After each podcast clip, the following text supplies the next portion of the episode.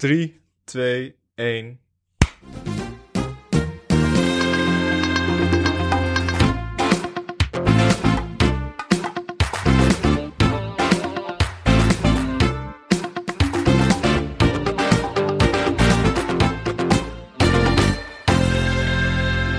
Welkom bij Televisie, de podcast over Nederlandse televisieprogramma's.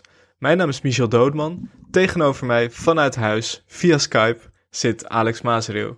Mijn intro klopt niet. Ik zit in huis. Jij zit in de studio. Nee, ja, ik dacht Maar ook wel al via van... Skype. Nou ja, die dag en nacht studio voelt inmiddels wel een beetje als mijn huis. Maar het, het, eh, nee, het is helaas nog niet zo. Maar als ik hier binnenkort een matrasje neerleg, denk ik dat niemand er gek van opkijkt. Nou, want daarover gesproken, laten we het maar meteen even aansnijden. Vandaag een nieuwe podcast eh, aankondiging van Alex Mazereel. Ja, ja, Samen moet- met vriend van de show, Jordi Amali. Ja, even goed om dat uit te leggen. Wij hebben vorig jaar natuurlijk een speciale podcastreeks over Mokramafia gemaakt. Die hebben we toen in onze feed gedaan. Belachelijk groot succes, unaniem. Die hebben we toen natuurlijk in de televisiefeed geplaatst. Waardoor wij iets van zes afleveringen per week uitbrachten voor mijn gevoel.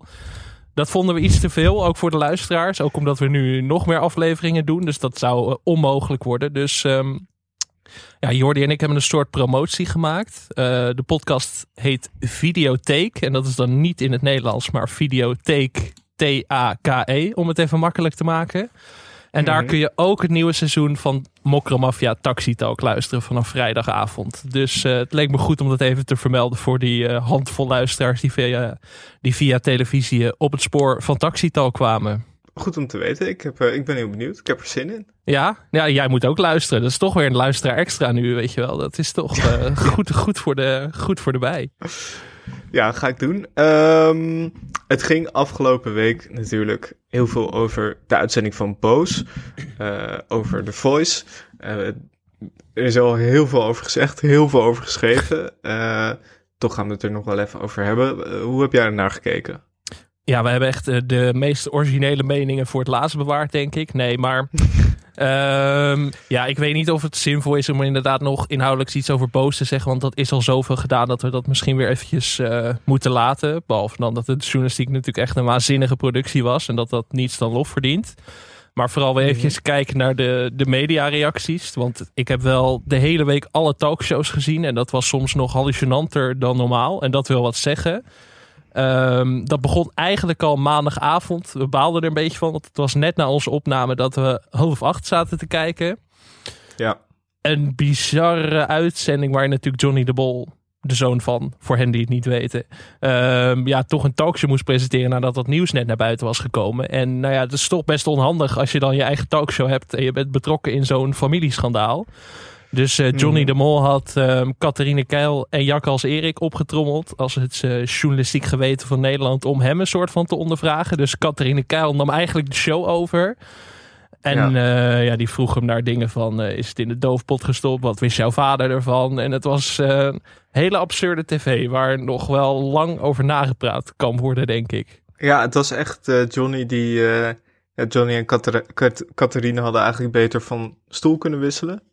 Eh Catharine was officieel gezien wingman, maar dit was Ja. toch wel een duidelijke sollicitatie naar presentatorschap van, eh, van half acht. Als Johnny een keer niet is, dan weten we wie het overneemt. Ik vond dit wel Ehm. tof, want eh, je had natuurlijk bij DWDD had je ook altijd tafelheren of tafeldames. Zou wel leuk zijn als Halina Rijn dat ook een keer had gedaan. Dat ze gewoon de rol van Matthijs meteen had, op zich had genomen. En gewoon Ja, alle interviews zelf was gaan doen. Dat Matthijs er niet meer tussen was gekomen. Dat was een beetje dit scenario. En dat vond ik eigenlijk wel, ja, wel, wel grappig om te zien of zo. Ik, ik, ja, de, Ja. de- ja, er viel echt heel veel over te zeggen. ik heb nog nooit zoveel eh, half acht gekeken als deze week. Want eh, eh, ik heb Johnny ook meerdere keren in tranen zien uitbarsten. Het was een bewogen week voor hem.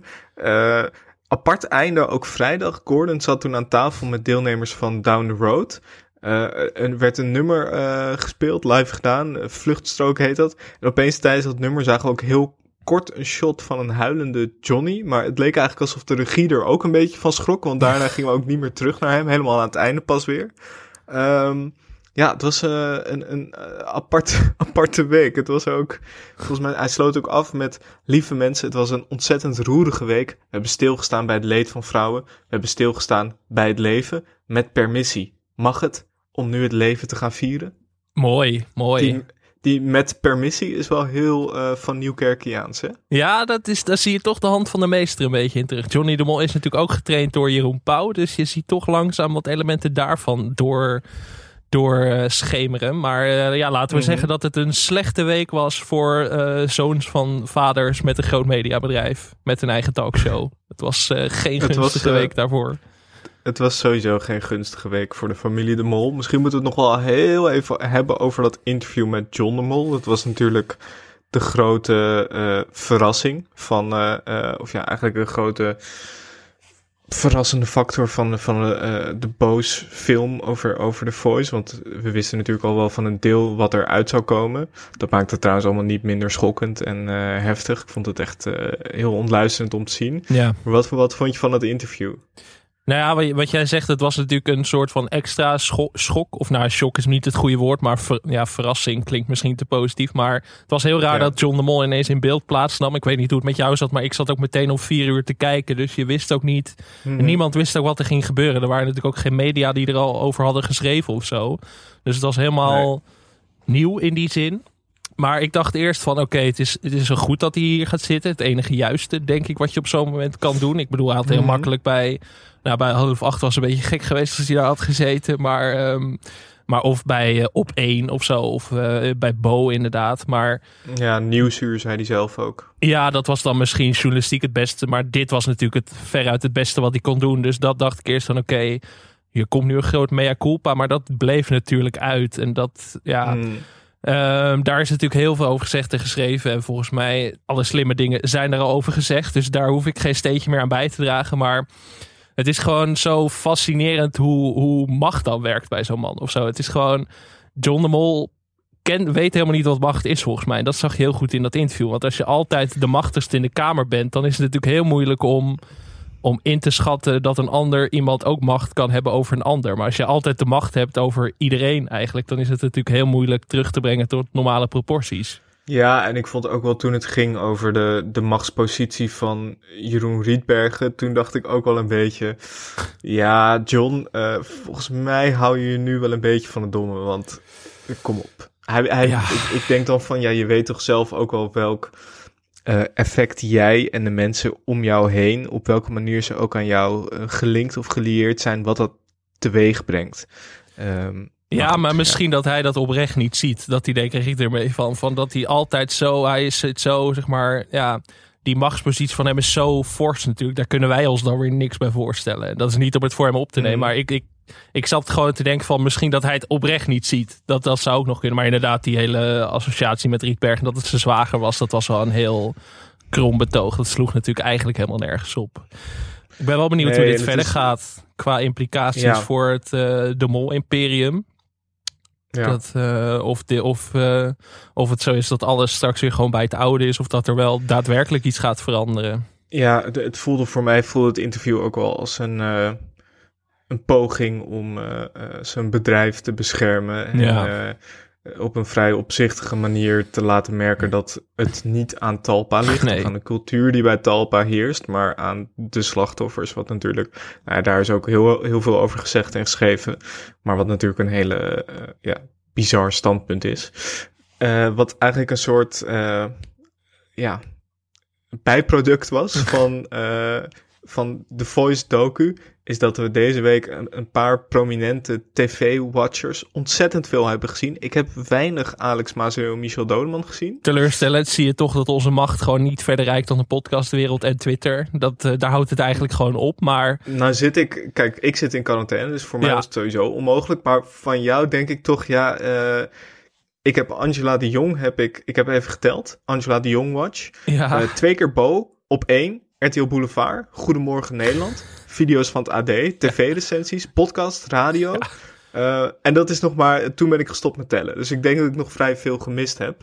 Ehm, ja, zwaar teleurstellend. Ik werd vorige week wel op een gegeven moment s'avonds gebeld door een nummer uit Hilversum. Dat, dat kun je dan zien, weet je wel, waar het nummer vandaan komt. Dus Mhm. ik dacht, daar gaan we, weet je wel. Opeens, Charles Groenhuizen, here I come. Maar het was Ja. zo'n energieleverancier die mijn abonnement probeerde aan te smeren. Dat was echt de grootste klap die ik vorige week te verduren kreeg. Maar ehm, ja. het was vooral de week van Angela en Rob Gozens, die ik ook overal heb gezien. En ik zag dat Julia Naldhuis van de Volkskrant daar ook een column heeft van ik verander langzaam in Rob Gozens. Ik heb ook Mhm. meteen drie nieuwe kooltruien besteld. Dat is toch wat je dan doet in Ja. zo'n situatie. Maar Rob was overal en die groeide er ook steeds verder in. En ik ben ja, toch wel een beetje fan geworden hoor, vorige week. Ik dacht al Ja? van, ja, het is toch een beetje een fris gezicht naast Angela de Jong. Maar dat komt ook omdat ik nooit Kleine- RTL Boulevard kijk natuurlijk. Ja, kijk, voor mij is hij natuurlijk al een household name.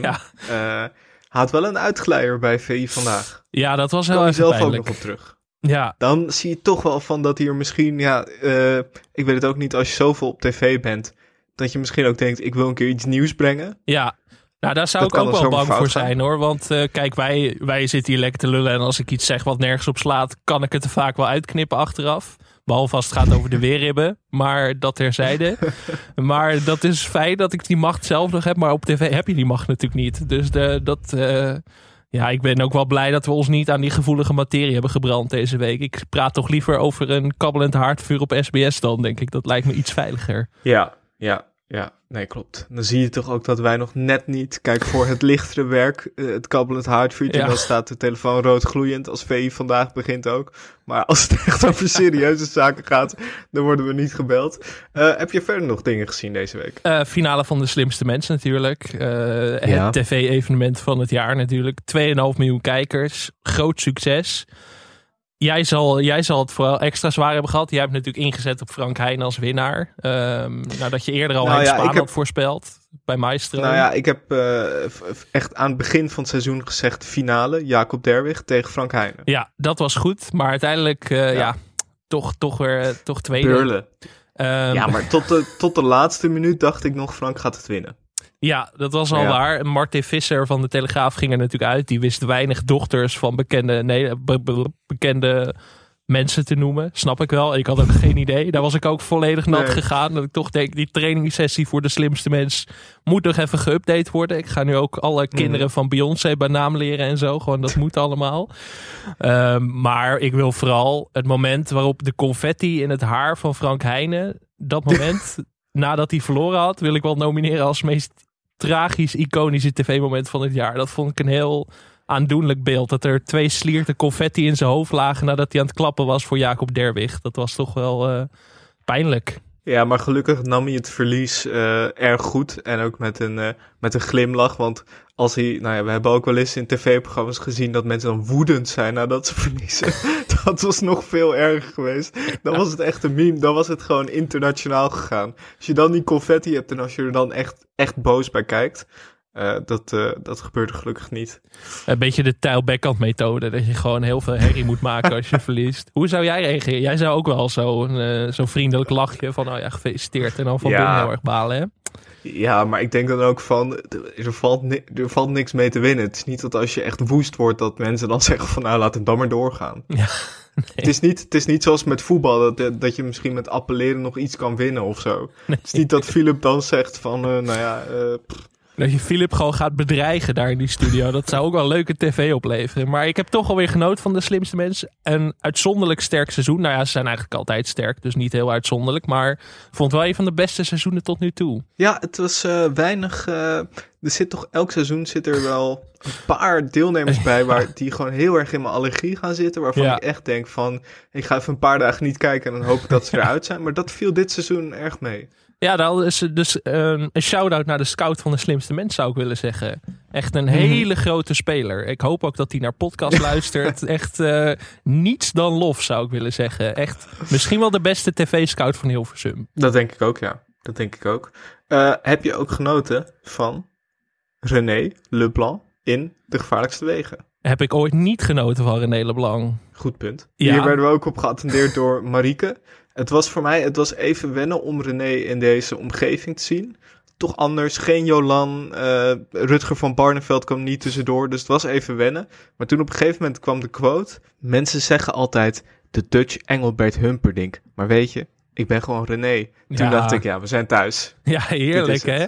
Maar het, ja, het begon gewoon al heel goed. Eh, René liep dus met Emmanuelle Greaves door Colombia, door de hoofdstad. En ze begon al. René draagt altijd lange mouwen en lange broeken. Herken ik me wel in. Doe ik eigenlijk ook Mhm. altijd. Ehm, ja, en René zegt dus ook van... Ik ben nooit iemand anders dan René. En het ging natuurlijk ook eventjes over zijn achternaam. En daar heb ik een kort fragmentje van meegenomen. Want dat is toch altijd wel genieten om die uitleg eventjes te horen... over de totstandkoming van LeBlanc. Je heet LeBlanc. Is dat altijd al je artiestennaam geweest? Nee, sinds een jaar of twintig. Ja, nee. Ja, ik- slechts, slechts sinds een jaar of twintig. ik heet natuurlijk De Wit. Op een gegeven moment was ik, eh, had ik een plaat uitgebracht. En in Duitsland gingen ze mij op een gegeven moment ook René Wijs noemen. Toen dacht ik, Wijs? Ik heet gewoon De Wit. Nee, je kunt ja. ook gewoon René De Wit uitspreken. En dan in België was het vaak... eh ja, dames en heren, hier is voor u eh, René De Witte. dan denk ik, maar ik heet gewoon De Wit. Oh, Ja. Maar ik ben een wijndrinker. Ik hou van witte wijn. Ook wel rood, maar witte wijn. Toen was ik bij Emil Hartkamp, Mhm. producer uit Arnhem. En die zei, wat is nou leuker joh, dat hij dat naam veranderen in René Leblanc. En nu spreekt iedereen mijn naam goed uit. Leblanc, ja, sommigen zeggen dan Blank. Dan denk ik, ja oké, doe maar. Nou, vooruit. Maar eh, Leblanc zeg maar dan. En eh, dus, eh, nee, dat is sinds een, eh, ja, een jaar of twintig. René Leblanc. eh, René Leblanc. Ja. Ja, heerlijk. Heerlijk. René ook van de grapjes in deze aflevering. Stukje cultuursnuiven in Colombia. Wat natuurlijk refereerde Ja. aan het drugsincident van Emmanuelle Greaves. Emmanuelle, een zuinig lachje zou ik willen zeggen. Eh, niet, eh, niet hardop. René vond hem zelf heel erg grappig. En dat vond ik dan weer heel erg leuk. Maar wat Ja. ik zo fijn vind aan René. Hij is ook nooit iemand anders dan René. Hij is wel echt altijd, altijd, altijd zichzelf. Ook in zo'n auto in Colombia. En dan toch weer even If I Tell You er tussendoor. If I Tell You. Dat hij dat weer even gaat Ja. zingen. Heerlijk. Heerlijk. Voelt het echt als thuiskomen. Zelfs als hij koffiebessen gaat plukken in Colombia, dan is hij nog René Leblanc. Dat is ook een, eh, een kwaliteit. Er kwam ook veel te weten over zijn familie, over zijn vader. Andere René Leblanc dan we normaal kenden. Dat was toch een, eh, ja, ik weet niet, dat was toch fijn. Daar, daar hoor je normaal niks over en ik geloof in mij. En ik had toch al verwacht dat Jolan op een gegeven moment van die achterbank zou springen. ineens. dat ze toch als een soort van surprise show erin zou zitten. We leerden dat wel. gewoon door Bogota rijden en dat dan Jolanda opeens langs de snelweg staat. Ja, dat gekund. We leerden ook dat eh, René en Jolan- Jolan niet getrouwd zijn. Dat wist ik eigenlijk niet. Ik wist ook niet of dat Nee. ik, ik geloof in mij ooit benadrukt is. Maar dat vond ik toch, eh, voelde heel vanzelfsprekend dat ze getrouwd waren. Team René Leblanc natuurlijk. Team RLB. Nu ik erover nadenk, Jolan Leblanc, hele goede Nee. naam. Ja, ja, ja, heel erg goed. Maar Ja. een, eh, een heerlijke aflevering van een toch al heerlijk seizoen. Dat we natuurlijk eh, onlangs bespraken in aflevering 72. Ehm, zullen we doorgaan naar het nieuws van deze week? We werden deze week geattendeerd door onder meer eh, Niels en Manon en natuurlijk Anne Janssens van Dag en Nacht Media. Dat Annette Barlow in gesprek is over een doorstart van oppassen. Zo. Nou, ja. Ja. Ik bedoel, mensen sprongen van de bank in heel, de, heel Nederland volgens mij. Waaronder wij. Zeker. Dit hebben we Ja, volgens mij eh, aflevering 9. Echt in de prille begindagen van televisie. Ja. Wat waren we jong en onschuldig en onwetend vooral. Maar eh, ja. Toen, An- toen Anne opeens aanschoof. Ja. Het was de eerste van vele Dag en Nacht Media mensen, eh, bazen die eh, aan zou schuiven. Eh, Kijk, toen durfde nog niet te weigeren. Ik bedoel, er staan nu ook weer vijf mensen van dag en nacht voor de deur die heel graag mee willen praten. Maar dat, we laten ze er nu gewoon niet meer in. Maar oppassen terug. Ja, ik ben helemaal voor. Ik bedoel, een deel van de cast, de originele cast is natuurlijk inmiddels overleden. Dat maakt het wel wat moeilijker. Maar je zou natuurlijk een hele nieuwe invulling eraan kunnen geven. Ik vind het ook mooi dat je zegt dat dat, dat, dat, dat het moeilijker maakt. Dat het deel is overleden. Ik zou zeggen, het lijkt mij onmogelijk. Maar goed, Oh, ik weet oh, niet. oh. eh, hey, wat hebben we nou geleerd van onmogelijke duetten? Niets is Dat is waar. onmogelijk. Misschien met hologrammen. De eerste sitcom met hologrammen. Dat lijkt me ook wel weer vet. ja. Dan kun je ook het Ja. zonnetje in huis bijvoorbeeld heel goed terug laten keren. Zou ik ook heel erg toejuichen. Maar ehm, in Ja. eerste instantie maar gewoon eh, ja, een nieuwe versie van oppassen. Annette Barlow is Ja. natuurlijk de ster. Dat, dat kan niet anders. Maar heb je verder Mhm. ideeën voor wie erin zou moeten spelen? Oeh. Nou ja, eh, voordat we het daarover gaan hebben, ik wil nog even zeggen, Annette Barlow zei, eh, ik, ik ben aan het kijken of er een soort doorstart kan worden gemaakt van oppassen, omdat ik denk dat het publiek weer behoefte heeft aan iets meer gezelligheid en lol op tv. Zeker. Dan denk ik, we hebben elke avond Leo Alkemade. Is dat niet genoeg lol? Is dat niet genoeg gezelligheid? Ja, maar Leo zit ook niet in een sitcom. Als Leo nou ook in een sitcom zou spelen, dan zou de wereld Ja. af zijn. Dan zouden wij ook kunnen stoppen Ja. eigenlijk. Als Ja. hij dat ook nog zou doen. Wel, Sluipschutters is dan nog het dichtst waar dat bij komt, maar dat is Ja, natuurlijk niet een, is een sketchshow. Ja, Maar is, eh, moet er meer lol en gezelligheid op tv? ik eh, ben al sinds het begin van deze podcast aan het pleiten dat de sitcom weer terug moet naar Nederland. Ik bedoel, het is heel stil de laatste tijd. Eh, Mm. Ik kan me de laatste al niet eens meer echt herinneren. Was dat de revival van Kees Co misschien? De niet heel succesvolle... Ja, ik denk het wel. Die, die revival heeft me wel een beetje angstig gemaakt. Ja, mij ik, eh, ook wel. Ik vrees, eh, ik vrees wel het ergste. Ik, ik zou dan liever zeggen, Iedereen is gek op Jack misschien- seizoen 3. dat sowieso. Kan natuurlijk ook. Dat sowieso. Nee, maar ik zou dan liever zeggen Annette Barlow in een nieuwe, eh, in een nieuwe sitcom. Ja. Nou, Nieuw ja. elan? Nieuw, elan. Ja, maar dan gaan mensen het vergelijken met oppassen. Dus het is wel, mensen kennen de naam oppassen nog wel. Je ziet het ook aan de luistercijfers van onze aflevering over oppassen. Sky high natuurlijk. Ik bedoel, dat, eh, dat hebben we nooit meer overtroffen. Nee, maar ik, ja, nee, ik zou, ik, zou het nog wel één keer aandurven. Volgens mij is het concept van oppassen met die opa's en zo is wel leuk. Dat eh, opa's of oma's, ik bedoel, je kunt het ook eh, wat moderner maken. is nog steeds heel goed, volgens mij. Dus volgens mij, je kunt het een seizoen proberen. Ik ben bereid het een kans te geven. Als sitcomoloog. dus eh, dit is eh, het advies voor BNN Vara. Ja. Gewoon proberen. en dan wel goede casting. Dat is wel belangrijk. Ik wil wel echt de goede namen. André van Duin als een van de opa's lijkt me een lok. Dat, dat moet wel. André iets meer comedy weer doen. Zou ik leuk vinden. Kees Huls dan ook erbij. Ja. Andere opa. Zou ik heel goed vinden. Wel een beetje een soort. Dan wordt het ook een soort spin-off van eh, het geheime dagboek van Hendrik Groen. Maar daar kan ik prima mee leven. is prima. dus je moet wel met goede namen op de proppen komen. Dat is mijn enige eh, devies in deze. Over goede namen gesproken. eh, heel goed nieuws. Het derde seizoen van Hoge Bomen is aangekondigd. Start op 26 januari op SBS. Ja, en het is weer, het is weer een rijtje namen. Frans Bauer, Sonja Bakker, Ronald Koeman, Maarten van der Weijden Ja, ja, ja. en Najib Amhali. En er staat erbij de aankondiging. Jeroen schetst in een persoonlijk gesprek aan de piano de levenslijn van zijn bekende hoofdgast. En zo is het. Zo, ja, maar kunnen we nog even benadrukken? Jij zei Maarten van der Weijden. Held Maarten van der Weijden is het, hè? Ik vind dat het er altijd bij gezegd Zeker. moet worden. Maar ik vraag me dan af, is zijn medische team er ook bij? Dat neem ik aan van wel. We hebben natuurlijk toen gezien bij John van Heuvel dat Klaas Wilting aan tafel erbij zat en niks gezegd heeft, maar wel bij alle liedjes erbij zat. Het lijkt me dat het medisch team, het voltallige medisch team van Maarten van der Weijden, er ook bij aan tafel gaat zitten in die is dat het uitzending. beste medische team van Nederland? Ja, ik denk het eigenlijk wel. Nee, daar kijk ik eigenlijk stiekem nog meer naar uit. De mensen die erbij aanschuiven. Ronald Koeman. Ja. Eh, ik noem een Erwin Koeman, Ja, een Bartina Koeman, Ronald Koeman junior. Nou ja, dat heb je zo ingevuld. en Luc de Jong zou ik ook leuk vinden. Jo. Ja. Ja. Eh, ja, waarom niet? Sonja Memphis. Bakker ook leuk. Misschien eh, de mensen van wie ze al die recepten toen eh, had overgenomen bij aan tafel zetten. Ook leuk. Een vleugje human interest Ja. erbij. Bij Najib, Ja. wie zou je daarbij zetten? Ik, ja, Najib zou ik inzetten op Paul de Leeuw en Jennifer Hofman. Gewoon een reunie van Spion van Oranje. Ja. Dat, dat is toch Ja. het hoogtepunt van zijn carrière. Het lijkt me goed als Jeroen dat weer eventjes gaat eren in die aflevering van Hoge Hans, Bomen. Hans Kesting ook erbij. Zeker, als, als die Duitse robot dan. Dat lijkt me wel noodzakelijk. Ja, Frans Bauer, eh, Mariska Bauer. Dat Eh. lijkt me eigenlijk... eh, Nou, het lijkt mij dat, dat Jeroen met Frans gewoon drie kwartier gaat zitten luisteren naar onze aflevering over de bouwers. ja, misschien wel. Toch? Dat zou ook leuke tv zijn. Maar Met god, pianomuziek eronder. ja, hier gaan we klaar voor zitten. Hè. Dit wordt echt eh, dit wordt het tv-evenement van het jaar. We hebben nog nooit een programma twee keer besproken, maar Ja, ik denk ja. toch dat dit, ja, ja ik, ik We hebben geen regels, dus er is geen televisiestatuut. Dat die, de statuten die zijn er niet van onze podcast. Dus volgens mij kunnen wij dit gewoon doen. Desnoods doen we er gewoon acht. Eigenlijk kunnen we bijvoorbeeld ook die zomergastenaflevering met Louis van Gaal kunnen over een jaar gewoon ook nog een keer doen. Maakt niet uit. Zeker. Voor sommige tv-evenementen moet dat gewoon. Die verdienen dat. En Hoge Bomen eh, is wel echt eh, de uitzondering in die zin. Die tv, of eh, die de zomergastenaflevering met Louis van Gaal, dat is een soort Rioja. Hè? Elk jaar wordt die beter. Ja. Heb jij verder nog nieuws of gaan we door met de nieuwe programma's? Want ik heb iets dat hier heel goed op aansluit. Ga dan maar lekker door, jongen.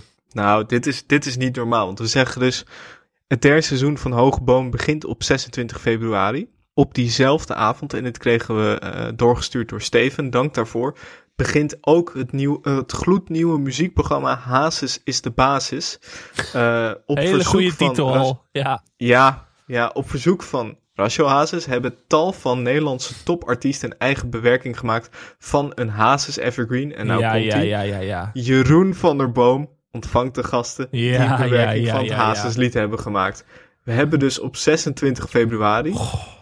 Nou, dat is niet normaal. Even kijken wat voor avond dat is. Dat is zaterdagavond. SBS ruimt gewoon de hele avond in voor Jeroen van der Boom. ja, en terecht Dat ook. is toch fantastisch? ja, tuurlijk terecht. Oh, wat heb ik hier ook zin in. Ik, ik leef helemaal op ook hier. Hele januari dip meteen voorbij. Dit is, dit is goed hoor.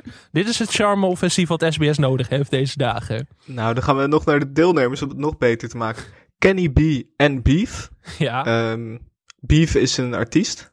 Dat is niet, eh, is niet een ruzie van Kenny B. Holly May Brood, Ellen ten Damme, Elske de Wal, 3J's, Karsu, Chris Cross Amsterdam, Lois Lane, Tino Martin, Guus Meeuwis, Anita Meijer, O'Gene, eh Treintje Oosterhuis, Belle Perez en, uiteraard, Samantha Steenwijk. ja, ja, ik dacht al, het bleef lang stil.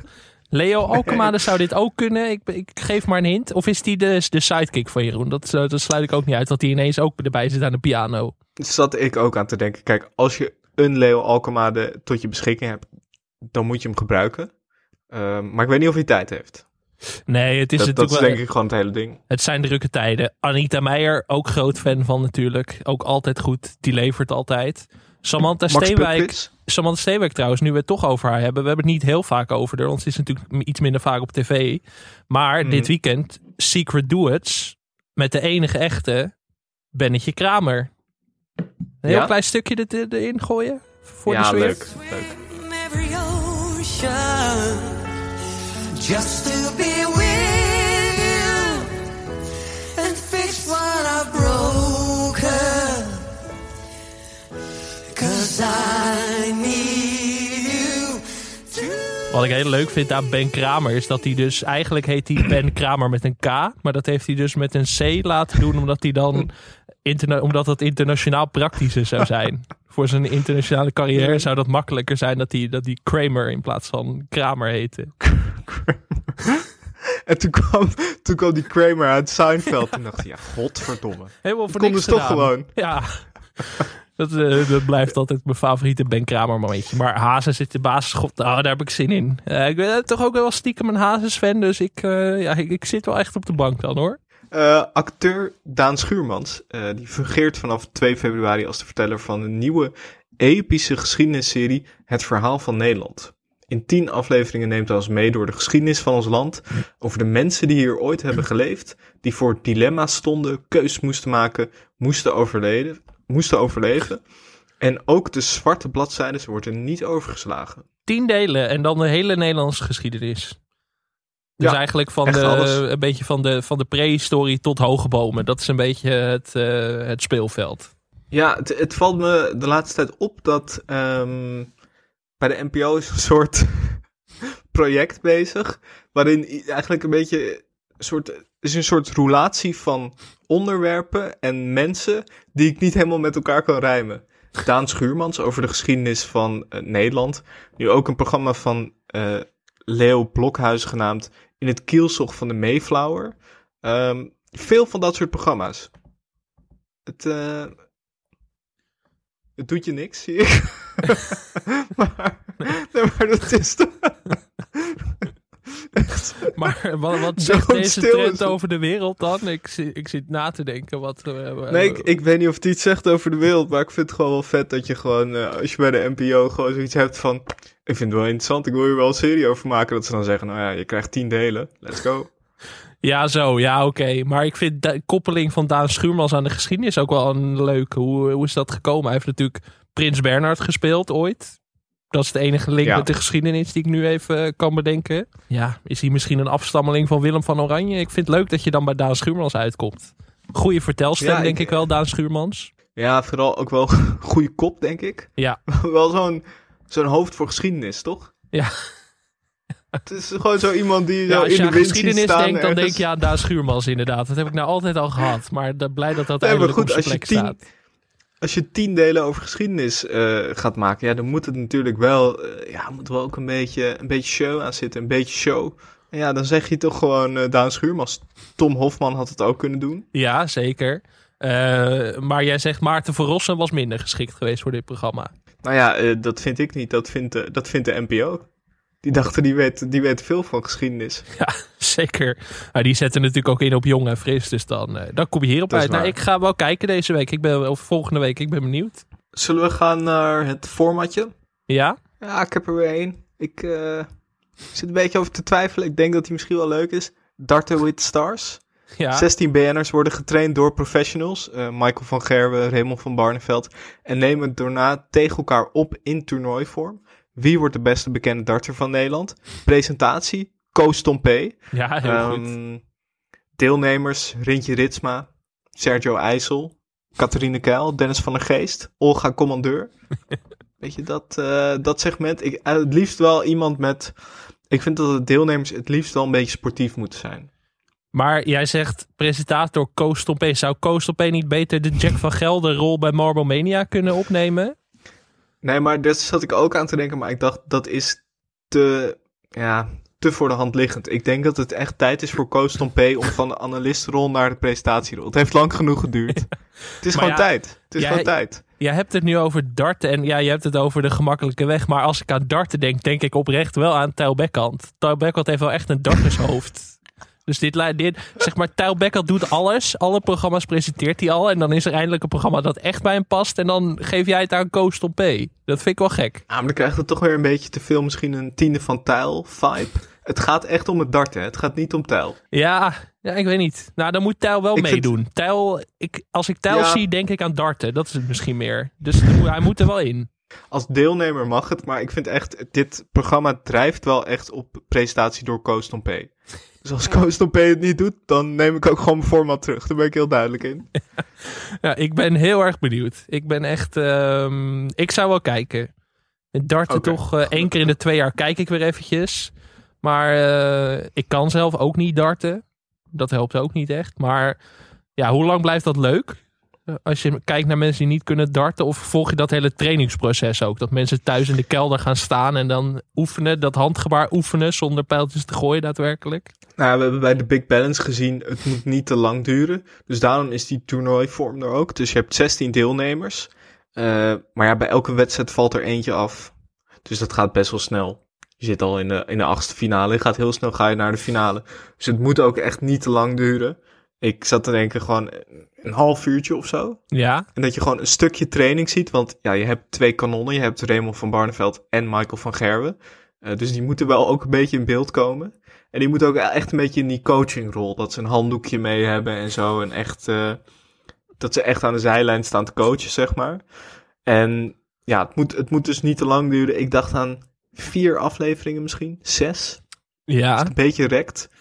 Ehm, en dan na afloop natuurlijk ook gewoon een interviewtje van Koos van P. Met degene die eh, eruit ligt. Eh, de aftertalk, maar dan voor, eh, voor het het dartprogramma. Ja, een beetje net zoals bij Kamp van Koningsbrug. Dat Jeroen dan vraagt waar het misgaat en zo. Dat is dan ook echt de rol van eh Koos van P. Naast natuurlijk voiceovers inspreken, boegbeeld zijn. andere promotionele werkzaamheden verrichten. Dus ik zou beetje. kijken in ieder geval. Dat is toch waar jij Ja. dit format altijd aan moet afmeten. Of ik zou kijken of niet. Er zit Ja. potentie in. Ja, jij bent voor mij een beetje de, de gemiddelde kijker. Het, geweten van, het kijkgeweten van Nederland. Dus eh, nou, fijn om te horen. Ehm, laten we gaan naar de luisteraarspost. Eh, en de nieuwe vrienden van de show. We hebben drie nieuwe vrienden. Demi, Alana Jansen en Ton. Dankjewel. En eh, Alana heeft volgens mij een bericht gestuurd en een audiobericht gestuurd. Nou jongens, hierbij een update van afgelopen week en de gebeurtenis eh, in GTST. Ehm, Nina is weer terug van haar zaakreis eh, in Indonesië en Bing biecht haar meteen op dat hij vreemd is gegaan met Mare. Dat is een investeerder van Bing zijn nieuwe bedrijf. Nina is natuurlijk woest en zoekt de man op van Mare om hem ook op de hoogte te stellen. Deze man is Charlie Luske. Nee, Ja, ja, Charlie. Luske. Ehm, nou ja, Richard is eh, door Ludo erin geluisterd God. en zit vast voor Ludo, die sluwe. Ludo. Hij verklapt een groot geheim en vertelt de politie waar een lijk verstopt ligt. En de politie doet dus een bezoek aan de stoeterij van Ludo en zoekt naar dat lijk. Maar Ludo zou Ludo niet zijn als hij hier al op voor was bereid en al iets had bedacht en heeft het lijk Oh, verplaatst. oh, oh, Ludo, joh. Opa Lekker Henk, gewiekst. eh, gespeeld door Johnny Ja, Krijkamp, Johnny Krijkamp. probeert te bemiddelen tussen de zusjes Merel en Demi. Demi is verliefd op Marwan, waar ze dus een kindje mee heb, heeft. Dat is de brulboy baby, genaamd Tom. Boy baby. En, ehm, maar Marwan is niet verliefd op Demi, maar wel verliefd op Merel, de zus van Demi. Nou, dat geheim is weer. uitgekomen en Demi is daar heel erg boos om geworden. En opa Henk probeert een beetje de zusjes weer bij elkaar te brengen, wat tot nu toe nog niet echt lukt. Hebben we nog meer perikelen in de familie Verduin. Dat is Oh, eh, houdt niet op. Saskia de familie en eh, Verduin. Julian. jeetje. Eh, Julian is, de, is dus eh Cas Jansen. Cas Ehm, Jansen. Saskia is Cas namelijk gegaan met haar baas, eh, Roman. Dat, is, eh, dat zorgt dus voor ruzie. Nou, en de cliffhanger, cliffhanger van deze week is dat eh, Janine eh, boos is op Ludo. Ehm, omdat Ludo haar niet op de hoogte heeft gesteld van het verplaatsen van dat lijk. Ja, en- terecht. Dus gaat Janine naar Billy de Palma. eh, omdat ze het nu toch kiest voor Kamp Richard. Ik ben heel erg benieuwd wat er volgende week gaat gebeuren in GTSD. Dat Janine nu zelf iets doet. Hmm, dat is wel spannend. Nou jongens, ik hoop dat jullie hiervan hebben genoten. En blij zijn met de update van GTSD. Doei! Ik vind die eh, relatie tussen Ludo en Janine zo toxic. Zo. Ja, maar denkt dat gaat ook al twintig jaar Janine. fout, hè? Ja, kies nou toch eens voor jezelf. Maar ik, Wel is zit goed om wel, te- ik ben wel helemaal lekker gemaakt door deze, door deze Ja. update, hoor. Ik, ik toch dat ik vanavond om 8 uur even een tv'tje aanzet na half 8. Wel even goed om te zeggen dat wij hadden gevraagd om deze update. Niet dat eh Alana uit het niets opeens een update eh, heeft doorgestuurd. We hadden daar specifiek naar gevraagd. eh, als penvriendin, penwatcher en ook GTSD-watcher. Ik zou dit wel leuk vinden als mensen dit vaker zouden doen. Gewoon als mensen... Segmentje. Ja, noem eens wat. Als mensen Tijd voor Max hebben gekeken, dat ze even met een Tijd voor Max recap kort komen of zo. Dat is toch... eh, er zijn Wij overal kijken fans. veel, maar wij kunnen ook niet alles kijken. Eh, nog wel even over die pen. Eh, we kregen daar ook nog een, een follow-up van, eh, van Nick. Ik, dat vind ik zo leuk dat we hebben niet alleen luisteraars die houden van tv, maar als je gewoon, als je blijkbaar een bepaalde groep luisteraars bij elkaar zet, is er altijd wel iemand die ergens iets vanaf weet. In dit geval van pennen. Eh, Nick zei namelijk over de pen van Sven Kokkelman. Als ik het goed heb gezien, dan zit hij meestal met een Mont Blanc Meisterstruck aan de televisietafels. Zo. Om op subtiele wijze zijn woorden wat extra gewicht mee te geven. Jullie hadden het dus bij het rechte eind in jullie laatste podcast. Vriendelijke groet, Nick. Ik heb die eh, Mont Blanc eh Meisterstruck nog even opgezocht. Die zijn duur. Ja? Honderden euro's kosten ze. En daar zit Sven gewoon mee te spelen aan die tafels. Ja, maar Sven gaat alleen voor kwaliteit. Ik bedoel, dat zie je er toch helemaal aan af. Sven ademt gewoon dure pennen. Ja, ik vind dat echt, dat vind ik echt groots macht, machtsvertoon. Gewoon met zo'n dure pen aan tafel zitten. Alleen maar meer respect nu voor Sven Kokkelman. Het is toch... eh, ja. Hoger kun je niet komen in het medialandschap. Nou ja, wil jij ook vriend van de show worden? Eh, ga dan naar eh vriendvandeshow.nl slash televisiepodcast. En dan kan je ons ook gewoon een audiobericht insturen met een update over, eh, nou ja, noem maar wat. Programma naar keuze eigenlijk. Je mag alles doen als het maar Nederlandstalig is. Dat is een beetje de, Ja. eh, wat anders. Ik bedoel, als er straks recaps van, eh nou, noem eens wat. Ja, voordat mensen alle, alle Rocky films gaan recappen Ja. en zo. Dat Dat zou ook, ook leuk, leuk, maar dan, vinden. dan Ja. gaan we daar alleen in onze vrije tijd naar luisteren. Dat gaan we niet laten horen. Ehm, zullen we gaan naar het programma van vandaag? We gaan het namelijk hebben over het roerom. In Het Roer Om volgen we mensen die Nederland verlaten om een nieuw leven op te bouwen in het buitenland. Ze zijn er nooit geweest. Alle hebben alleen maar foto's. Hoe erg kan het wezen? We gaan ervan uit dat er vier muren staan en geen dak. En dan kan het uit tegenvallen. Welcome. Good job. This is the apartment that we use for guests. Not anymore. Not at the moment. Dus gisteren toen ik in de casita kwam, hebben wij de nieuwe lekkages gevonden.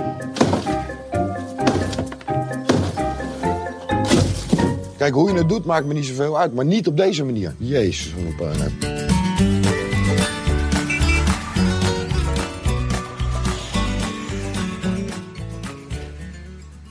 Het Roerom is de Nederlandstalige versie van de Britse Channel 4-serie No Going Back, waarin gezinnen verhuizen naar een ander Europees land. Ze gooien het roer om en bouwen daaraan een nieuw leven. De gezinnen nemen afscheid van hun familie en vertrekken naar hun nieuwe woonplaats, bijvoorbeeld in Spanje, Frankrijk of Australië. In Nederland werd de serie eerst uitgezonden door RTL 4 en RTL 8. Inmiddels is het programma te zien op SBS.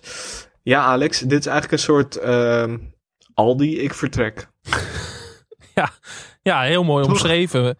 Maar daarom ging ik er wat sceptisch in. Ik dacht van, eh, nou, we hebben het in de weekendtips vorige week hebben we dit even kort besproken. Toen was ik wel getriggerd, moet ik zeggen. Want het idee was, eh, mensen kopen een alpaca boerderij in Spanje terwijl ze geen Spaans spreken en niks met alpaca's hebben.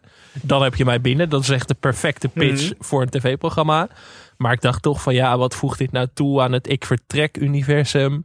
Ik bedoel, er zijn heel veel mensen die al heel lang willen dat we Ik Vertrek bespreken. Maar dat, ja, daar moeten we even een speciaal moment voor pakken. Ik bedoel, dat, ehm, dat, dat is te groot voor ons eigenlijk, zou ik willen zeggen. En Toen dacht Nou, ik, van, dit is eigenlijk niet, wel eh, een perfecte.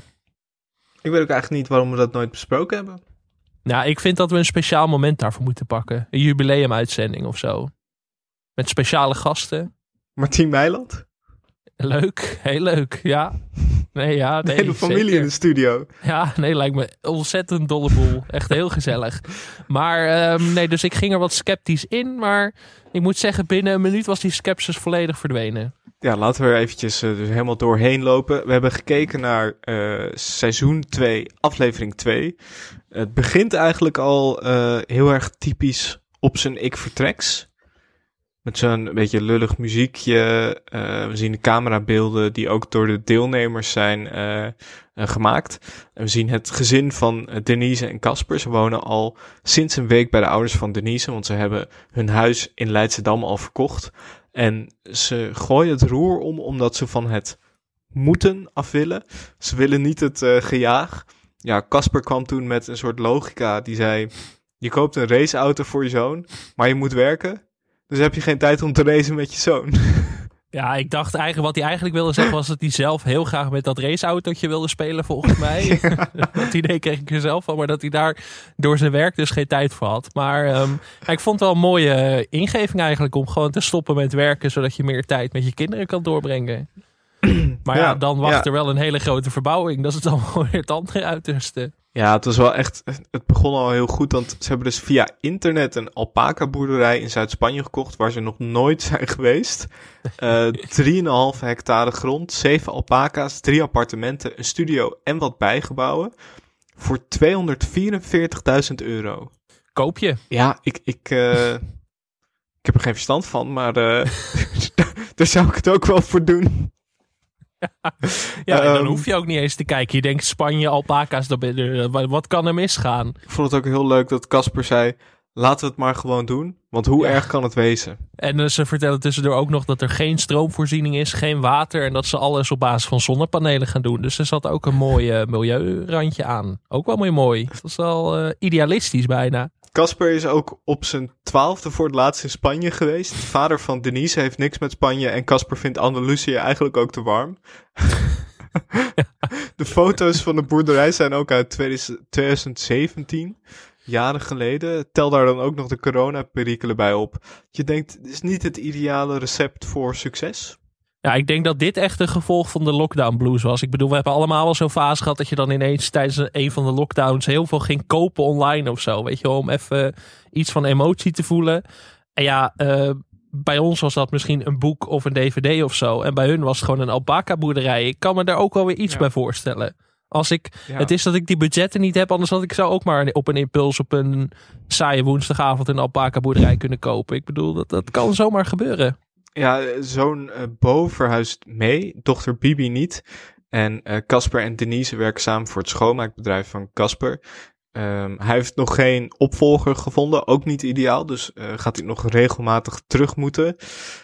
Denise's vrienden vinden het dapper. Dat is nooit wat je wil horen in zo'n in zo'n situatie. En zoontje Bo vindt het niet leuk dat hij zijn vrienden moet achternamen eh, laten en dat niemand in de familie Spaans spreekt. Altijd wel sneu, hè? Ook in ik vertrek altijd alle kinderen die dan hun vrienden moeten achterlaten. Eh, breekt toch Oh. altijd even je hart. Ja, en die kinderen spreken ook altijd meteen de taal. Dus die moeten dan alles, eh, die moeten dan gaan onderhandelen met een loodgieter en zo, omdat de ouders dat niet kunnen doen. Ja, dat vind ik altijd heel, heel schrijnend. Het was hier, hier kreeg ik ook al wel gauw een beetje medelijden met, met het zoontje. Ehm, ze moeten ruim 2000 kilometer rijden naar de alpaca boerderij. En ze denken 50.000 euro nodig te hebben voor de verbouwing. Maar de lening is nog niet binnen. Er is ook geen stroom. De zonnepanelen moeten vervangen worden. Dus echt alle seinen staan eigenlijk op rood. Maar ik vond de filosofie van Casper heel mooi en optimistisch. Die zei, iedere deur die er hangt, is er een meegenomen. Dat is toch ook wel weer mooi. Ook alweer, daardoor hadden ze wel heel snel mijn sympathie gewonnen, moet ik zeggen. Ja, ze werden ook, eh, toen ze aankwamen eenmaal in Spanje, werden ze opgehaald door de Engelse oud-eigenaren. Ja, Eh, ja die vond ik ook heel goed. Ja. Ja, die boerderij die lag echt compleet in the middle of nowhere. De hitte die, die spatte ook door het beeldscherm. En ja, die eigenaren eh, die waren echt opgelucht. Hè? Maar die eigenaren, ja, die, die vroegen ook af van waarom doen jullie dit op basis van dat jullie dit nooit gezien hebben. Hij zei, die Ellen zei ook van, eh, is this something Dutch people do of zo? Eh, iets te kopen zonder het gezien te hebben. En toen zei Casper van, eh, nee, alleen idioten doen dat. Dat is ook wel zelfkennis, om de, in die zin dat je denkt van, ja, je moet er een beetje, ja, lef zou ik bijna willen zeggen voor hebben om dit te doen. En dat, ja, ik, ga, ik ging dat toch heel snel waarderen. Je kunt denken van, het is inderdaad idioot om het zonder het gezien te hebben te kopen. Maar ja, ze hadden mijn hart wel snel gewonnen, moet ik zeggen. Ja, dat, dat is ook heel goed aan zo'n programma. Dat eigenlijk hoe meer er fout gaat, ook hoe sneller ze, ze je hart winnen. Want dat, dat bijgebouw was ook echt een bouwval. En zij, zij zeiden eigenlijk van, nou, valt eigenlijk nog wel mee. Het is eigenlijk niet zoveel werk volgens mij. Terwijl ik echt dacht, hier ben je een jaar mee bezig. Eh, het zegt ook veel over hoeveel ik ervan af weet. Nou, ze waren er ook uiteindelijk wel bijna een jaar mee bezig. Maar dat eh, terzijde. Ehm, ze maken ook een van mijn favoriete momenten dat ze kennis maken met de alpaca's. Ze hebben ook het boek gekregen Alpaca's for Dummies. Eh, ze zeiden er ook bij, we know they are like big dogs. Eh, ja, Ja, wij hebben natuurlijk een alpaca eigenlijk- gesproken ooit. En ik moet wel zeggen, het, het- Ja. het komt toch niet in de buurt van een hond, zou ik willen zeggen. Maar maar jij hebt er een gesproken. Ja, dat is waar. Maar als je naast Jort Kelder staat, dan ben je natuurlijk eigenlijk al geen normale alpaca meer. Dus misschien moeten we een keer een echte, eh, een beetje de, de populistische alpaca spreken. Om die, eh, de, de alpaca van het volk. Misschien een keer aan het woord laten. eh, alpaca of alpaca? ja, die man toch? van het roerom zei alpaca de hele tijd. Maar hij zei ook een keer alpaco. Misschien is het niet de beste bron hiervoor. Maar... Ja, nee, ik heb hier altijd. Dit is verschrikkelijk. Ik kom hier nooit uit. Dus ik hou het gewoon op alpaca. En eh, ik accepteer geen factchecks deze week. Dus gaan we hier vooral Nee, niet op geen factchecken. rectificaties. Eh, Nee. Voor mensen die zeggen van het is eigenlijk alpaca's, eh, ga lekker naar de weer hebben. De kinderen Bo en Bibi die krijgen les ook in het uitlaten van de alpaca's. Zoontje Bo moet dit straks in zijn eentje kunnen. Ook wel echt een eh, element in het programma waarvan ik dacht, weet niet of dat goed gaat aflopen. Die alpaca's waren twee keer zo groot als dat jongetje. Hij was echt, hoe oud was hij? Misschien tien of zo denk ik. Ja, iets jonger nogal, denk ik toch? 8, 9, 10, zoiets dacht ik. Ja, zoiets. Hij moest die gigantische alpaca's in zijn eentje gaan uitlaten. Eh, hij kreeg later, zag je wel, dat hij een eh, hele goede band met die alpaca's kreeg. Dat vond ik wel... eh, ik dacht, er zit ook wel een, eh, er zit wel een goede film in of zo. Hij mocht toen niet naar school door, Zeker. eh, door, juri of door ja, juridische rompslomp of zo. Of eh inschrijven gedoe. Maar ik dacht, dat vond ik mooi. Zo'n jongetje die dan opgroeit tussen de alpaca's. Langzaam één van hem wordt. ja, daar zou een hele goede film in zitten. Want vooral ook omdat, omdat, eh, omdat Denise dus niks heeft met dieren. Dat is toch ook vrij onhandig als je een alpaca boerderij begint. Dat, eh, maar alles rust dus op de schouder van het jochie. Dat, eh, de- inderdaad, er zit een hele mooie, mooie fictiefilm bijna in. Behalve dan Ja. dat het in dit geval echt was. Een beetje net zoals eh, die film met dat jongetje en die tijger op dat vlot. Ja, Ja. kent dat wel. Hoe heet die ook alweer? Eh Life of Pi of zo, zoiets. Ja, ja, ja. Dat ze met CGI zo'n alpaca maken. Dan met een jongetje Ja. op een kleine boot of zo. Erg leuk. Ik ben sowieso voor alpaca's als hoofdrolspelers in films. Ik denk dat dat echt een gat in de markt is. Ik denk dat daar een hele franchise om, omheen te bouwen is. Eh, ik bedoel, het, het filmpaard is ook weer in opkomst sinds Britt Dekker eh, een film heeft gemaakt Ja. over haar paard. Dus dit zou je prima met de alpaca's ook kunnen doen, volgens mij. Dan timmen we dat af. Ehm, het is in Andalusië 40 graden en door juridisch gesteggel zijn Casper en Denise nog steeds eh, niet officieel eigenaar. Dat is een beetje lastig, want het Engelse stel zit er dus nog. En die kunnen eigenlijk pas een nieuw huis kopen als ze het geld binnen hebben. En ze hadden dus een nieuw huis gevonden. Alleen dat konden ze niet kopen omdat ze het, nieuw, het eh, geld nog niet in had, of, eh, binnen hadden. Dus daardoor moesten zij op de boerderij blijven zitten. Oh. Maar daar liepen ze eigenlijk Casper en Denise weer in de weg. Ja, heel ongemakkelijk natuurlijk. Als je gewoon nog met die oude eigenaars moet samenwonen bijna of zo. Het, was echt, eh, het hing wel echt van rampspoed aan elkaar weer. Hè? Wat je natuurlijk wil in dit soort programma's. Maar ja, je dacht wel echt van mijn god dat je dit, dat je dit moet willen. Nou, het was wel, het was wel echt een gigantisch, eh, gigantisch eh, gebied. Eh, er zat ook een zwembad bij, dus meerdere gebouwen. Maar ja, ook als je ziet hoe ze Nederlands, of tenminste hoe het Spaans was. Casper vroeg op een gegeven moment aan een eh, Spaanse ober iets te eten. Heb je dat? Also, eating? Mantequilla, Ja, something to eat? aceite, Wat eten? aceite, Hebben jullie dat? pan. Menu. Menu? Media. Menu? Menu? So, something to eat? Me lekker mee. Eh, eh, en, eh, va a complicar la asistencia. eh, bu- butter? Bu- Butter and something on it. ¿Cómo? Eh, sandwich? Un sa- tres sándwiches. Tres sandwich? Eh, ham? De jamón de yo, queso. Sí, sí. Vale. Tres sándwiches, jamón de yo y queso. Oké. Nee. We spreken echt nul Nee. Engels. Heb je aangewezen? Nou, ik heb gewoon gezegd eh, sandwich. En eh, we krijgen waarschijnlijk een sandwich met ham. Maar het kan ook zijn dat ze dadelijk eh, de kat komt brengen. Ik weet niet. Maar ik moet wel zeggen, ik vond de omgeving wel heel mooi. Je, je denkt dan toch op een onbewaakt moment van, zou ik dit doen? Nu ben ik niet zo handig, dus dan is zeg maar de hele boel verbouwen misschien niet ideaal. Maar ja, ik dacht toch wel van ja. Omgeving was wel heel mooi. Volgens mij omschreef eh, Casper het op een gegeven moment ook als een soort western omgeving. Daar herkende ik me wel in. Dat ik denk ja, ik zou daar ook wel met een cowboyhoed rond willen lopen, denk ik. Maar je draagt nooit korte broeken, dus dan wordt die 40 graden wordt toch wel een beetje een uitdaging. Ja, dat is waar. Maar daar ben je wel afgelegen. Dus dan kan ik mijn principes misschien sneller laten varen. Dan valt het misschien minder op.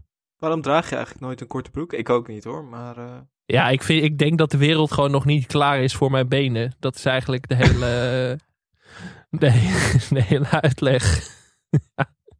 Waarom jij niet je- dan? ze- nou ja, ik heb ook wel een hele witte been, maar dat vind ik niet zo erg. Want ik bedoel, ik ben gewoon super wit. Dus dat op zich, de benen zijn daar niet zo'n schok. Maar ik vind meer dat ik er zo... Ik, ik voel me gewoon tien jaar jonger als ik een korte broek eh, draag. Ik heb dan het idee dat ik net zo goed meteen een, eh, een lolly bij me kan dragen. En zo'n zo'n petje met de propeller. Ik voel me gewoon altijd zes als ik een korte broek draag. Ja, dat heb ik ook al. Maar ik vind het altijd een beetje belachelijk eruit zien. Bij mezelf vooral. Zeg maar. Bij anderen denk ik altijd van, nou, die kunnen het prima hebben. Maar bij mezelf denk ik altijd van, nee, het past niet. Die knieën ook, die lelijke knieën die je dan ziet, dat kan ook niet. Zo'n driekwartsbroek kan al helemaal niet. Dat is helemaal een schande. Dus dan denk ik van, nee, dan hou ik Nou het toch maar liever bij lange broeken. Dan, maar- dan maar doodgaan van de hitte. Maar dan in ieder geval waardig sterven. Ja, maar er zijn ook van die mensen die dan zeggen van... Ja, jij zei ook van, zijn mensen die het kunnen hebben. Maar dat zijn meestal mensen die langere broeken nog beter kunnen hebben. Er zijn dan Ja. mensen die dan van die foto's met George Clooney, van George Clooney komen. Dan zeggen van, kijk, hij kan het ook gewoon hebben. Ja, eh, hij kan een emmer over zijn hoofd, kan hij ook goed hebben. Snap je? Dat is niet een argument. Dat het er, dat het er gewoon wel, wel prima uitziet met een korte broek. Maar het wordt nooit echt beter met een korte broek, toch? Nee, dat ben ik helemaal met je eens. Ik ben ook blij dat onze luisteraars nu gewoon kledingadvies van ons krijgen. Dat ontbrak nog aan deze podcast. Het heeft toch 74 afleveringen geduurd. Maar eh, Ja, het ah, is je geen- zult geen ons nooit in korte Je moet broek zien. Je, je, moet, je moet doen waar je je fijn bij voelt.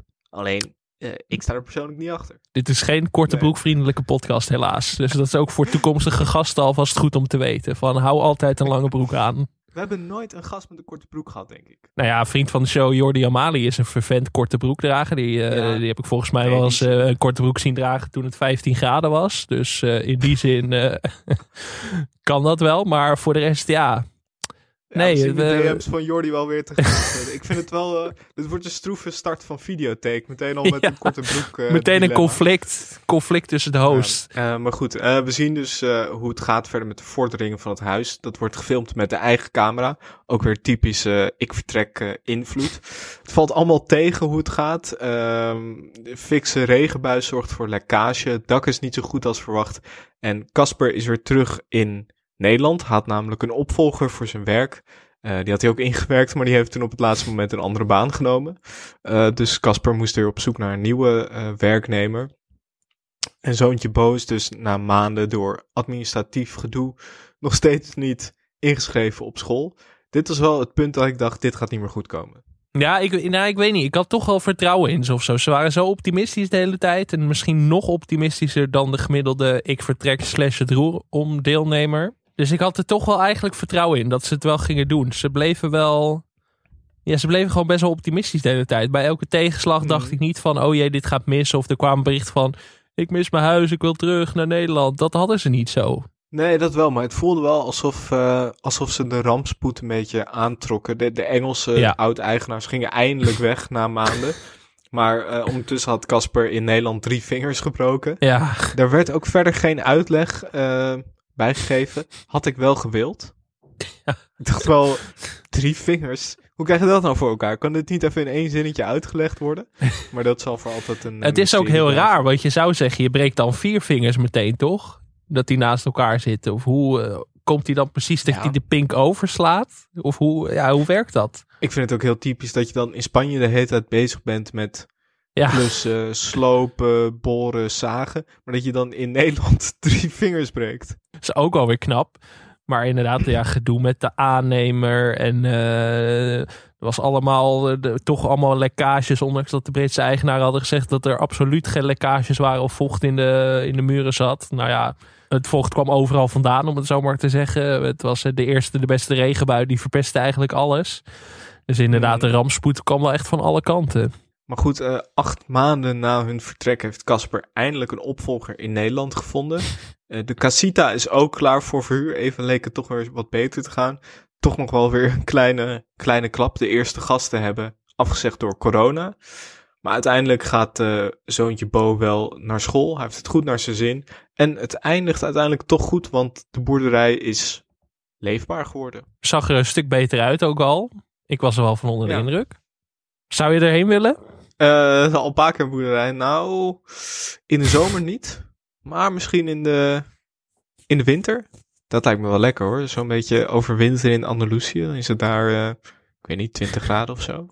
Ik weet niet waarom, maar ik zie jou ook wel als een soort met zo'n hoed op daar als een soort alpaca-houder oud worden later. Ik weet niet, maar dat, dat beeld krijg ik wel een beetje van jou. Ja, ik, eh, ik vond die alpaca's, dus zat ik toch wel echt met eh, bovenmatige interesse naar te kijken. Ik dacht ook toch wel van, toch even kijken hoe dat jongetje dat tuigje omdoet en hoe dat allemaal werkt. En eh, ja, ik weet Maar niet, ja, ik dacht ja. toch wel van, ja. Je hebt wel een soort alpaca-vibe over je ook of zo. Als ik zeg maar een Ja, dier bij ik- jou zou moeten zoeken, denk ik ook wel aan de alpaca. Ik weet niet waar dat vandaan komt, maar dat, dat had ik de hele aflevering een beetje.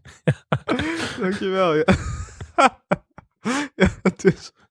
Nou ja, als ik een boerderij zou moeten kopen, zou het waarschijnlijk wel een... Ja, ik zag ook een mango boerderij voorbij komen ergens in een andere aflevering. Maar ja, ik zou dan toch eerder voor de alpaca boerderij. Ik vind het hele vrolijke beesten. Hele leuke... Ze kunnen ook zo gezellig rennen en zo. Dat Hebben ook een eigen willetje, hebben we natuurlijk gezien in op één vorig jaar. Dat ze niet zomaar orders opvolgen. Vind ik ook leuk. Een beetje eigenwijsheid. Ja, precies. Nee, ik vond het, eh, ik vond het wel leuk. En ik vond, eh, ik vond het programma eigenlijk ook wel... Ja, het is gewoon precies in, ik vertrek. Ik, eh, Maar voegt dit nog wat toe voor jou? Of is het zeg maar wat onderscheidt dit van ik vertrek? De, de reclameblokken. Nee, ik vond het... Ik vond Zelfs het de voice-over erg- was gewoon bijna hetzelfde. Die, die was gewoon precies Ja. in dezelfde stijl. En het is natuurlijk ook zo gefilmd met van die... eh, tussendoor die camerabeelden van de deelnemers zelf. Volgt eigenlijk ook een beetje dezelfde opbouw met het begin. Dat, nou, dat was nu dan eigenlijk toevallig. Maar dat je ook wat familieleden ziet en wat mensen in de omgeving, vrienden die daarover vertellen wat ze ervan vinden. Nou ja, dan gaan ze naar het buitenland. Daar gaat het dan mis. Dan uiteindelijk zie je hoe het afloopt. Het is echt precies ik vertrek. Maar toch gaat dit format mij nooit echt vervelen of zo. In wat voor vorm het dan Nee, ook nee, is. nee. Dat dit nou, nou toevallig op SBS was. Ja, dat maakte me niet eens zo heel veel uit eigenlijk. Ik heb er toch wel van genoten. Omdat het al de, al de hokjes keurig aftikte die je wil van zo'n programma. En toch een happy end. Ik gun het deze mensen ook wel echt. Soms heb je ook mensen die het echt misgunt. Dat ik denk van... ja, Ik hoop eigenlijk dat je gewoon kaart faalt. Mensen die ja, een soort ja, een soort eng zelfvertrouwen hebben. Dat je er een beetje naar van wordt. Maar ik vond het bij deze mensen heel sympathiek vooral. Dat was het meer. Ik gunde Ja. het ze gewoon de hele tijd heel erg. Ik vond het een lief gezin. Dat was het meer. Ja, dat vond ik ook. Dat vond ik ook. En ehm, er ging ook zoveel fout dat je eigenlijk Ja. uiteindelijk gewoon dacht, ja, dit, ik, ik hoop wel dat dit goed gaat. Maar dat is natuurlijk echt de, de ik vertrek eh, methode. Dat er gewoon eh, ja, een zekere hoeveelheid rampspoed moet zijn om, eh, om, het leuk te laten lijken. En ja, ik vond het, nee, het, ik vond het prima. Ik vond vorige week of die week daarvoor was het ook al goed. Eh, op televisier.nl stond toen een artikel met echt, echt een waanzinnige opening. Het was Snack Midden Twente moet het doen zonder de snackbar van Miranda en Robert. Zij beginnen namelijk een restaurant in Gambia, het land waar ze zo van houden. Maar de start van het nieuwe thuisland, of de start in hun nieuwe thuisland, verloopt niet vlekkeloos. Zo is te zien in deze aflevering van Het Roer Om. Ik vind echt Snack Midden Twente. Maar. Gambia, dat was ook toch waar die mensen toen dat pannenkoekenrestaurant gingen beginnen? Ja, volgens mij wel, ja. ja het Wat is de eh, aantrekkingskracht van Gambia voor Nederlandse restauranthouders? Waar komt Nou, dat dat vandaan? vraag, dat vraag ik me ook af. Want ik zie, je ziet Gambia zie je opvallend vaak eh voorbij komen in dit soort programma's. Maar is er gewoon zo'n grote behoefte aan hutspot en boerenkool in Gambia? Of waar is de Ja. afzetmarkt daar groter dan in andere landen? Waar komt dat vandaan? Ik, ik denk het, want het is bijna, ja, het is toch al vaak, ik denk bijna de helft van de keren is het Frankrijk of eh, Spanje, soms Portugal. En dan soms eh, kan het ook nog wel Australië of zo zijn, maar Gambia, ja. Ja, ik weet het ook niet. Ik, eh, maar ik vond het wel, nee, ik vond het, vond het wel een leuk programma. Heb jij een idee waar je heen zou willen als jij zeg maar zou moeten emigreren en je zou iets, eh, een concept eh, moeten verzinnen? Mm, ja, als dat, ik zou een pannenkoekenrestaurant zou ik wel echt een heel leuk vinden. Dat zou ik wel echt graag doen. Alleen ja, Gambia is dus al bezet als eh, afzetmarkt. Maar ik zou, ik, ja, als ik een land zou moeten kiezen, zou ik Spanje doen. En als ik een eh, type etablissement zou moeten kiezen, zou ik eh, voor een pannenkoekenrestaurant gaan. Ik denk alleen dat er wel al Nederlandse pannenkoekenrestaurants in Spanje zijn. Dus dan moet ik echt goed kijken naar de plek waar ik dat zou doen. Ja, je moet niet in dat gebied waar al die Nederlanders altijd heen gaan gaan zitten natuurlijk. Nee, maar ik ben wel eens eh, op vakantie geweest in Bilbao. Daar waren heel weinig Nederlanders. Dus misschien dat ik het... eh, nou, Gat in de markt. ja, ergens in Baskeland. Wat zou jij doen? Nou ja, eh, voor de mensen die het niet weten, ik ben natuurlijk opgegroeid aan de toog van een bruine kroeg in Enkhuizen. Zoiets zou ik natuurlijk wel willen exporteren naar het buitenland. Een stukje Enkhuizen meenemen naar een Italië, een Spanje. Ik zat meer te denken aan de bruine kroeg, maar een stukje Enkhuizen natuurlijk ook. Ja, nee, eh, heel goed. Eh, Enkhuizen wereldwijd fenomeen maken. Een soort franchise van een stad maken, dat lijkt me ook wel weer leuk. Enkhouse. Dat zou wel echt een soort van... Zo zou je franchise wel kunnen heten. En dan gewoon in Chili daar gewoon een bruine kroeg beginnen of zo. Lijkt me hartstikke leuk. Zou je niet een, eh, een filmhuis of zo in het buitenland kunnen beginnen? Een videotheek? Ook leuk. Ja, leuk. Videotheek, zeker. Maar dan, eh, ja, nee, lijkt me ook leuk. Filmhuis Maasreel. Gewoon een, een heel klein bioscoopje. Maar het is ook niet zo dat een bioscoop per se iets heel Nederlands is, toch? Dat hebben ze in het buitenland hebben ze ook bioscopen volgens mij. Of Ja, filmhuizen. maar ze hebben niet... Ze hebben niet in het buitenland een Alex Maasreel. ze hebben niet mijn unieke smaak natuurlijk. Dat is waar. Dat is wel een waanzinnig exportproduct.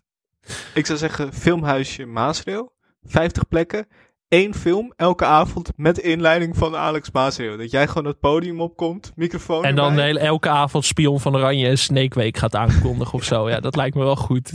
Nee, ik vind het wel goed, maar ik ga dit even pitchen. Ik ga een locatie uitzoeken volgende week. Ik denk dat hier wel potentie in zit. Maar dan ben jij me wel kwijt dus. Dat is wel lastig. Of dan moet jij elke week langskomen daar. Ja, dat kan. eh, Kijk, als jij in Spanje gaat zitten en je doet een beetje in de buurt bij mij in een restaurant, dan kunnen we dat gewoon makkelijk combineren. Geen probleem. Maar ik vind wel dat jij een alpaca's in de tuin moet zetten. Want dat, eh, ja, dat blijft me toch bij, die alpaca bij jou. Ik weet niet wat dat is. Die, die alpaca wil ik natuurlijk. En dan die ze er ook wel bij. Die moet dan mee.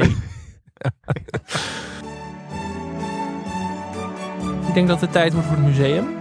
Ik heb even onderzoek gedaan. Ik heb alle, alle items verzameld eindelijk. Hey. Dat zouden we vier weken geleden eigenlijk al doen. Maar ik denk, ik ga toch de zware taak voor eventjes op me nemen. We hebben natuurlijk één reactie gehad dat het museum moet blijven. Van Frank van Neerven. Die we een beetje kunnen uitroepen tot onze curator. Zou ik hem inmiddels wel willen Ja. noemen. De enige bezoeker Directeur. eigenlijk. Directeur. Directeur van het museum. Groot aandeelhouder. eh, voorzitter van de Mhm. Raad van Commissarissen. Ehm, maar ik denk dat we Museum gewoon... jaarkaarthouder, Frank van Neerven. Wat we hebben ooit gezegd, hoorde ik toen we dit, voor, dit waanzinnige blokje aankondigden, dat we vijf items eh, eigenlijk in het museum wilden houden. We hebben er inmiddels eh, acht. Ik ga ze eventjes opnoemen en dan moeten we even een selectie eruit maken. Dat we het even een beetje opruimen. Dat dit gewoon naar het eh, archief mag, naar het depot. We hebben het bomberjack van Jeroen van Koningsbrugge uit Kamp van Koningsbrugge. Mhm. De kapotte auto's van Patty Bart en Richard Groenendijk uit de gevaarlijkste wegen ter wereld. Het verenpak van Jack van Gelder uit de Masked Singer. Die moet erin blijven. Die moet sowieso in blijven. De eende familie uit familie Gillis, Massa is Kassa. Weet je nog dat we dat bespraken? Wat een, wat een goed Ja, programma was dat, hè? De enkel van Hans Klok. Ja, die moet erin. De witte jas van Rob Geus uit de Smaakpolitie. Die moet er ook in blijven, denk ik. De villa uit Villa Morero. Ja. Het alarmerende fotolijstje uit Temptation Island. Ja, die mag wel weg, hè? De limousine uit het familiediner. Ja, die hoort er ook wel in. Dus als we dat eventjes... eh, het verenpak moet er dus sowieso in van Jack. Ja. Eh, De ene familie, wil je die houden of niet? Nou, mag voor mij wel uit. Ja. De enkel van Hans Klok ook sowieso. Die, eh die veto ik bij deze. Eh, de witte jas van Rob Geus kun, kan niet ontbreken. Historie. De limousine van Bert uit het familiediner. Ja. Onmisbaar. En wat wordt de vijfde dan? Ehm, nummer vijf. Toch maar een alpacaatje. Ja? Ja, nou, de alpaca is wel doorgebroken op tv in dit decennium eigenlijk. Ja. Dit is wel het decennium van de alpaca. Ik zou gewoon de alpaca. Zetten we daar dan een levende neer in dat museum? Of hoe werkt dat? Dat er gewoon... of een knuffel daar neerzetten? Hoe gaan we dat eh, precies aanpakken? Nee, we- wel een levende, denk ik. Het moet echt wel een, eh, ja, een beetje dynamisch, eh kruller-muller-achtig museum. Ook met een buitenplaats natuurlijk, waar ook gewoon museumstukken rondlopen. Zo zie ik tenminste het televisiemuseum voor me. Ik weet niet hoe jij dat voor je ziet. Nee, inderdaad, daarom vond ik die eenden eigenlijk wel een eh, nuttige toevoeging. Maar ja, die zijn helaas gesneuveld. Een museum moet soms opruiming houden. Eh, die zijn naar een veilige opvanghuis gebracht. Voordat we straks een partij voor de dieren achter ons aankrijgen. Dat moeten we toch ook niet hebben. Die zijn naar een blijf van je lijfhuis gestuurd. Maar eh, ja, dit is toch echt een heel leuk item in onze podcast elke week. Hè? Ja. Maar we gaan er nu ook stug mee door. Ik bedoel, nu er- niemand ons ook van ons stuk. echt zelf in. Ja, zeker. We zijn nu scherp. Elke week wordt het nog beter. Nou, top. Dan, eh, oh, sorry. Ik stoot mijn microfoon bijna om. Dan eh, denk ik, eh, blijf toch een beetje wennen vanuit huis. Ik vind, het, eh, ik vind het niet optimaal. Volgende week hopelijk weer gewoon in de studio. Dat eh, hoop ik ook. En dat hopen de luisteraars vast met ons. ja. Nu klinkt het net of je heel ernstig ziek bent trouwens, maar dat... eh, dat... dat, zou, dat zou erg zijn. Als de luisteraars zouden zeggen, van, "Nou, ik vond het echt wel prima, die slechte geluidskwaliteit. En, eh, Nee, maar ik zit hier eh, nu ook in een kale studio. Het is toch een beetje gek. Het is toch... eh Ja, voelt vind ik ook. onnatuurlijk. Vind ik ook. Maar goed, we hopen op betere tijden. Ik ga als een soort Hugo de Jonge klinken op deze manier. Gauw afsluiten. Ik zou het ook wel echt een wanprestatie van mijn immuunsysteem vinden als ik volgende week nog steeds in quarantaine zit. Het zou echt eh, schaam je kapot bus opwachten vibe zijn. Eh, vond je deze podcast leuk? Laat dan een recensie achter op iTunes. Je kan ook vriend van de show worden. Dat kan op vriendvandeshow.nl slash televisiepodcast. Of stuur eens een bericht op Twitter of Instagram, at televisiepod. Of mail ons op televisiepodcast.gmail.com. Veel dank aan Dag Nacht Media, aan Studio Cloak de tune en aan Wijts Valkema voor de illustratie. Tot dit weekend, zeg ik even met een vraagteken. We zijn er sowieso met de tips, dus... eh, Oh ja, gewoon dat is waar. zeggen. Ja, weer even redactievergadering in de aflevering. Altijd fijn. nou, eh, tot dit weekend dan. Tot eh, aankomend weekend. alsof het hier een paradijs is. Maakt het afscheid eens zo zwaar. Emigreren, emigreren. Je eigen land terug toekeren elders weer opnieuw proberen, omdat het hier echt niet meer kan. Ten einde raad, wat doe je dan? Emigreren, emigreren. Want hier verdien je alsmaar minder, toch blijft de vraag, wat wordt het ginder? Al weet je reeds vooraf één ding, ginds blijf je steeds een vreemdeling.